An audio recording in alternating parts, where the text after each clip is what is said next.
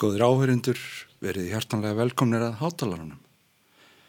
Hann verður lágstemdur að þessu sinni í það minnsta á yfirborðinu en auðvitað getur verið á bakvið hægfærðugustu tónlist heilmikil átakasaga. Það á við um tónlistina sem þátturinn hófst á. Cubes heitir hún og var til í hugarheimi tónskálsins á nýjunda áratögnum. Tilur þessa litla konfektmóla er hins vegar allt annað en einföld og sætt frekar eins konar meðferðar úrræði höfundarins til að takast á við eftirköst og uppsapnaða streitu vegna ofbeldis í fortíðinar. Það var John Cates sem stakk upp á því viðana að semja lítil og sætt verk til að komast út úr remmingum sínum en hún hefur líst John Cates sem góðkynja vini sínum frá fyrir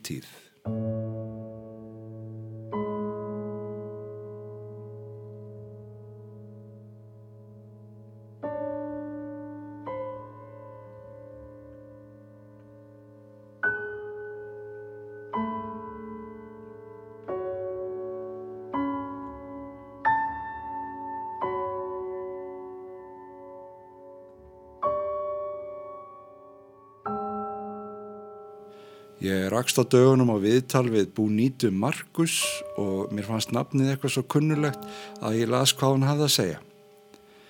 Við þann lestur rifjaðist upp hvers vegna nafnið er kunnulegt en hún var Mortoni Feldmann innblástur að píjánuverki sem hann samti 1985 og tilengaði henni. Morton er hins vegar allt annað en góðkynja bakki á sálarlífi Búnítu Markus. Það er umhugsunar efni hvernig tónlist þeirra sem á svo mikið sameinlegt geymir í sér eins mikla tilfinningaspennu og raunberi vitni. Heyrir maður það?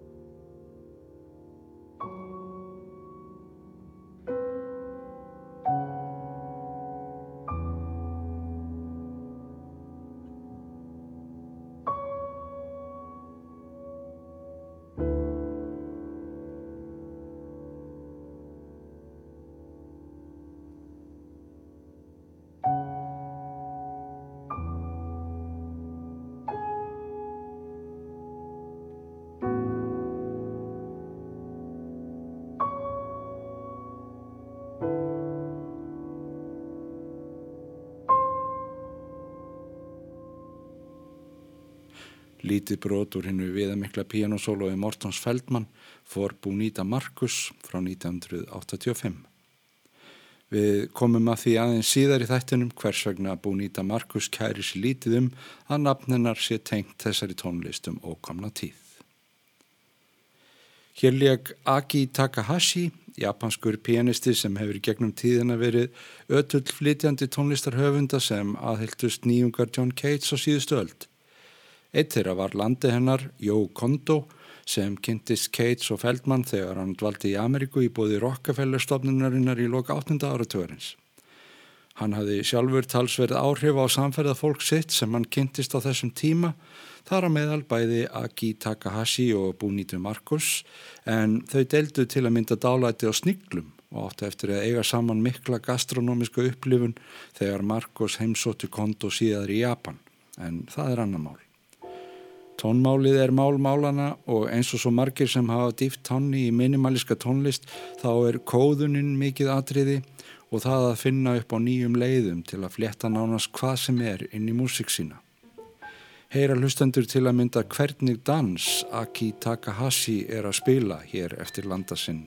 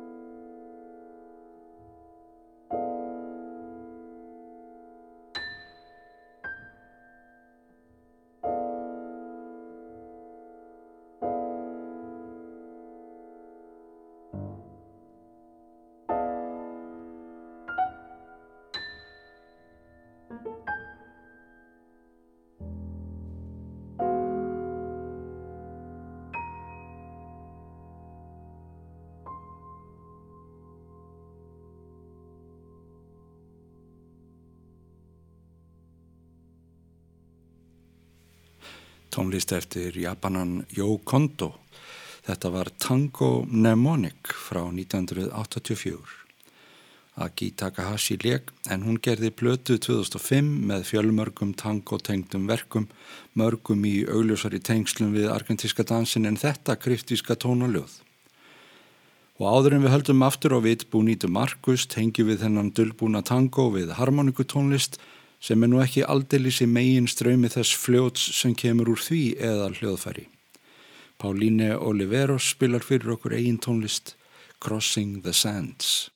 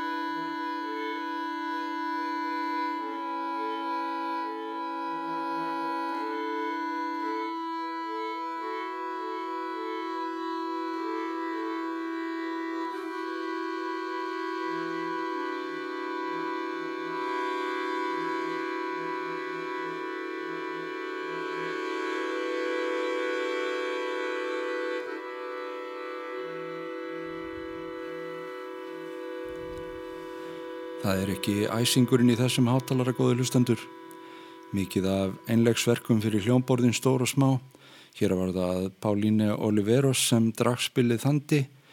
Crossing the Sands er af plötu sem kom út með verkum hennar 2006 og heitir The Roots of the Movement. En hún er nú kannski þekktust fyrir að hafa verið við rætur raftónlistarinnar á sínum ferli auk þess að búa til forvittnilega músík fyrir sitt fyrsta hljóðfari, harmonikuna. En þá er komið að því að bæta aðeins í hóp flytjenda, aftur fáum við tónlist eftir Búnítu Markus, í þetta sinn bætast flauta og fiðla í hópin, verkið er Sleeping Women frá 1984.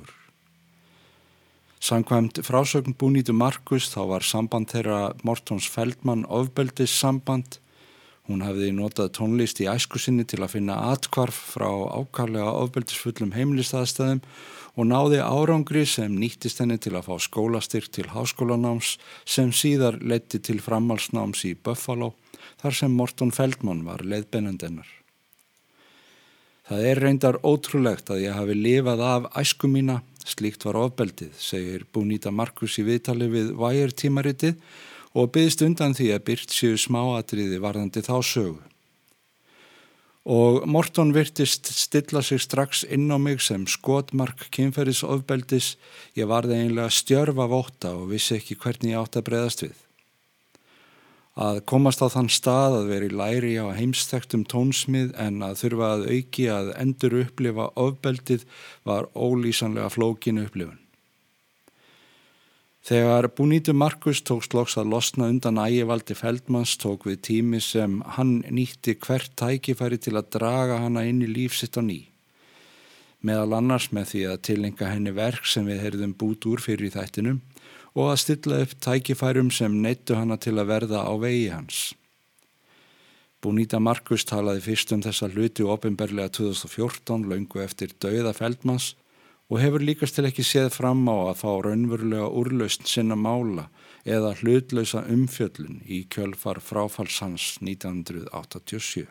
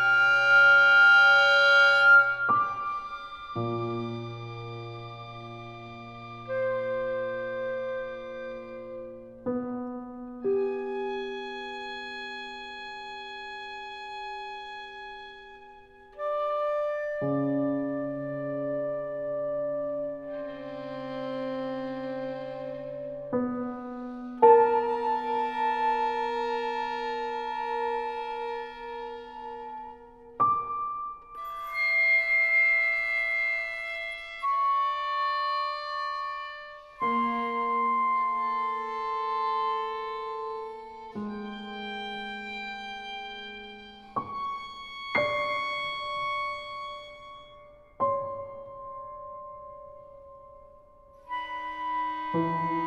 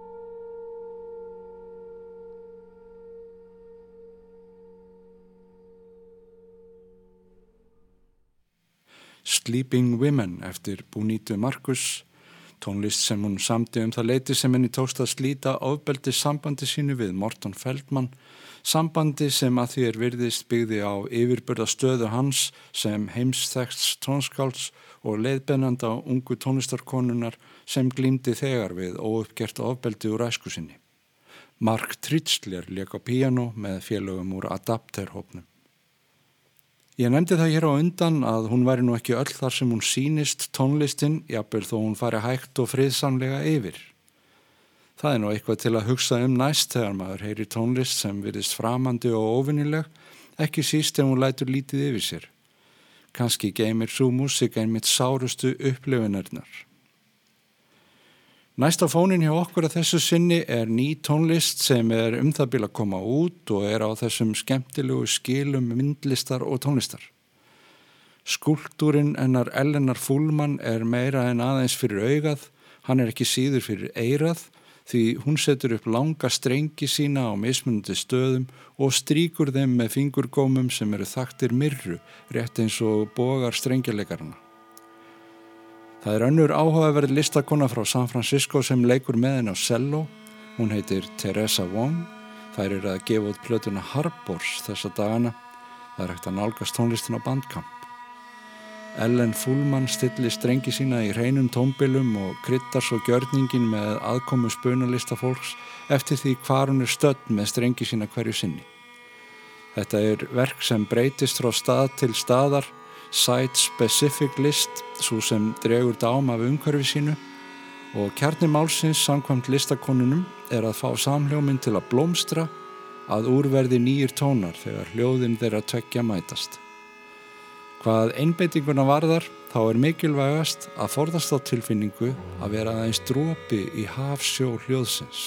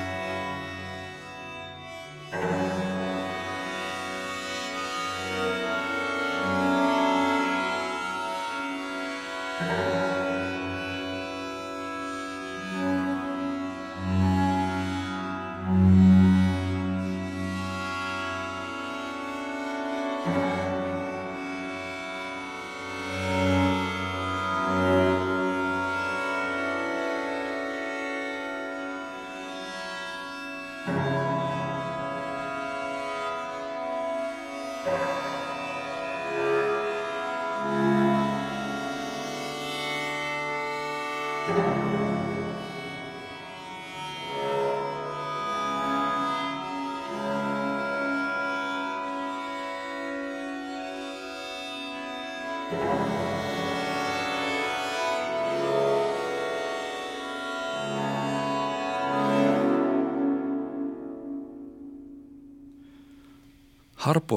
þriðji luti gjörnings þeirra Eleanor Fullman og Teresu Wong sem kemur út á plötu Room 40 útgáðunar um þessar myndir. Selvoleikarin Teresa Wong hefur lagt eitt og annað fyrir sig, hún er mentaður grafiskur hönnuður og áttaði sig snemma á því að verkfræði hönnunarinnar fer vel saman við hinn á óræðari kema listarinnar. Hún stundaði kortækja heima í Kaliforníu og síðar í Vínarborg og Fenegjum þar sem hún vann við rannsóknir á vefnaðarvöru allskonar. Það var líka í Fenegjum sem hún var fyrir áhrifum af spunalist spennandi listafólks sem samfarið hana um að finna fjölina sína á þessum mörgum tónlistar og myndlistar. En nallþórur tónlistarinnar eru margskonar eins og við höfum þegar heyrt, uppskriftirnar enda fjölbreyttar, sumar mjög nákvæmar á meðan aðrar trista á réttu skvetturnar á réttum stöðum. Við skulum fá okkur litla sneið af lagköku þeirra Teresu Vong og Sörens Kjergård. Thank you.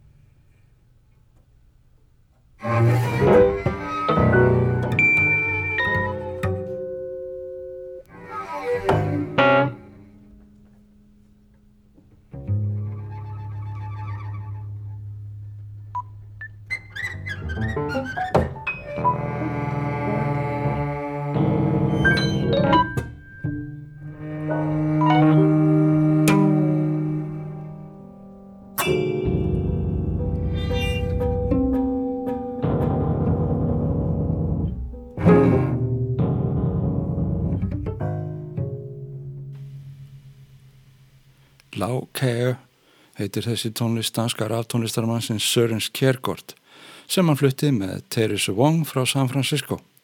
En við ljúkum þessum hátalarum með því að fá annan dana til að leggja til tónlist Endum þetta á litlu broti úr 3x15 eftir Jesper Pedersen sem hefur verið búsettur hér á landi um árabil og býr til gríðarlega áheyrilega raftónlist. Nýðurlag annars þáttar Ending in Romance, það væri nú annað kort ef ekki væri endað á romantíkinni. Takk fyrir að hlusta.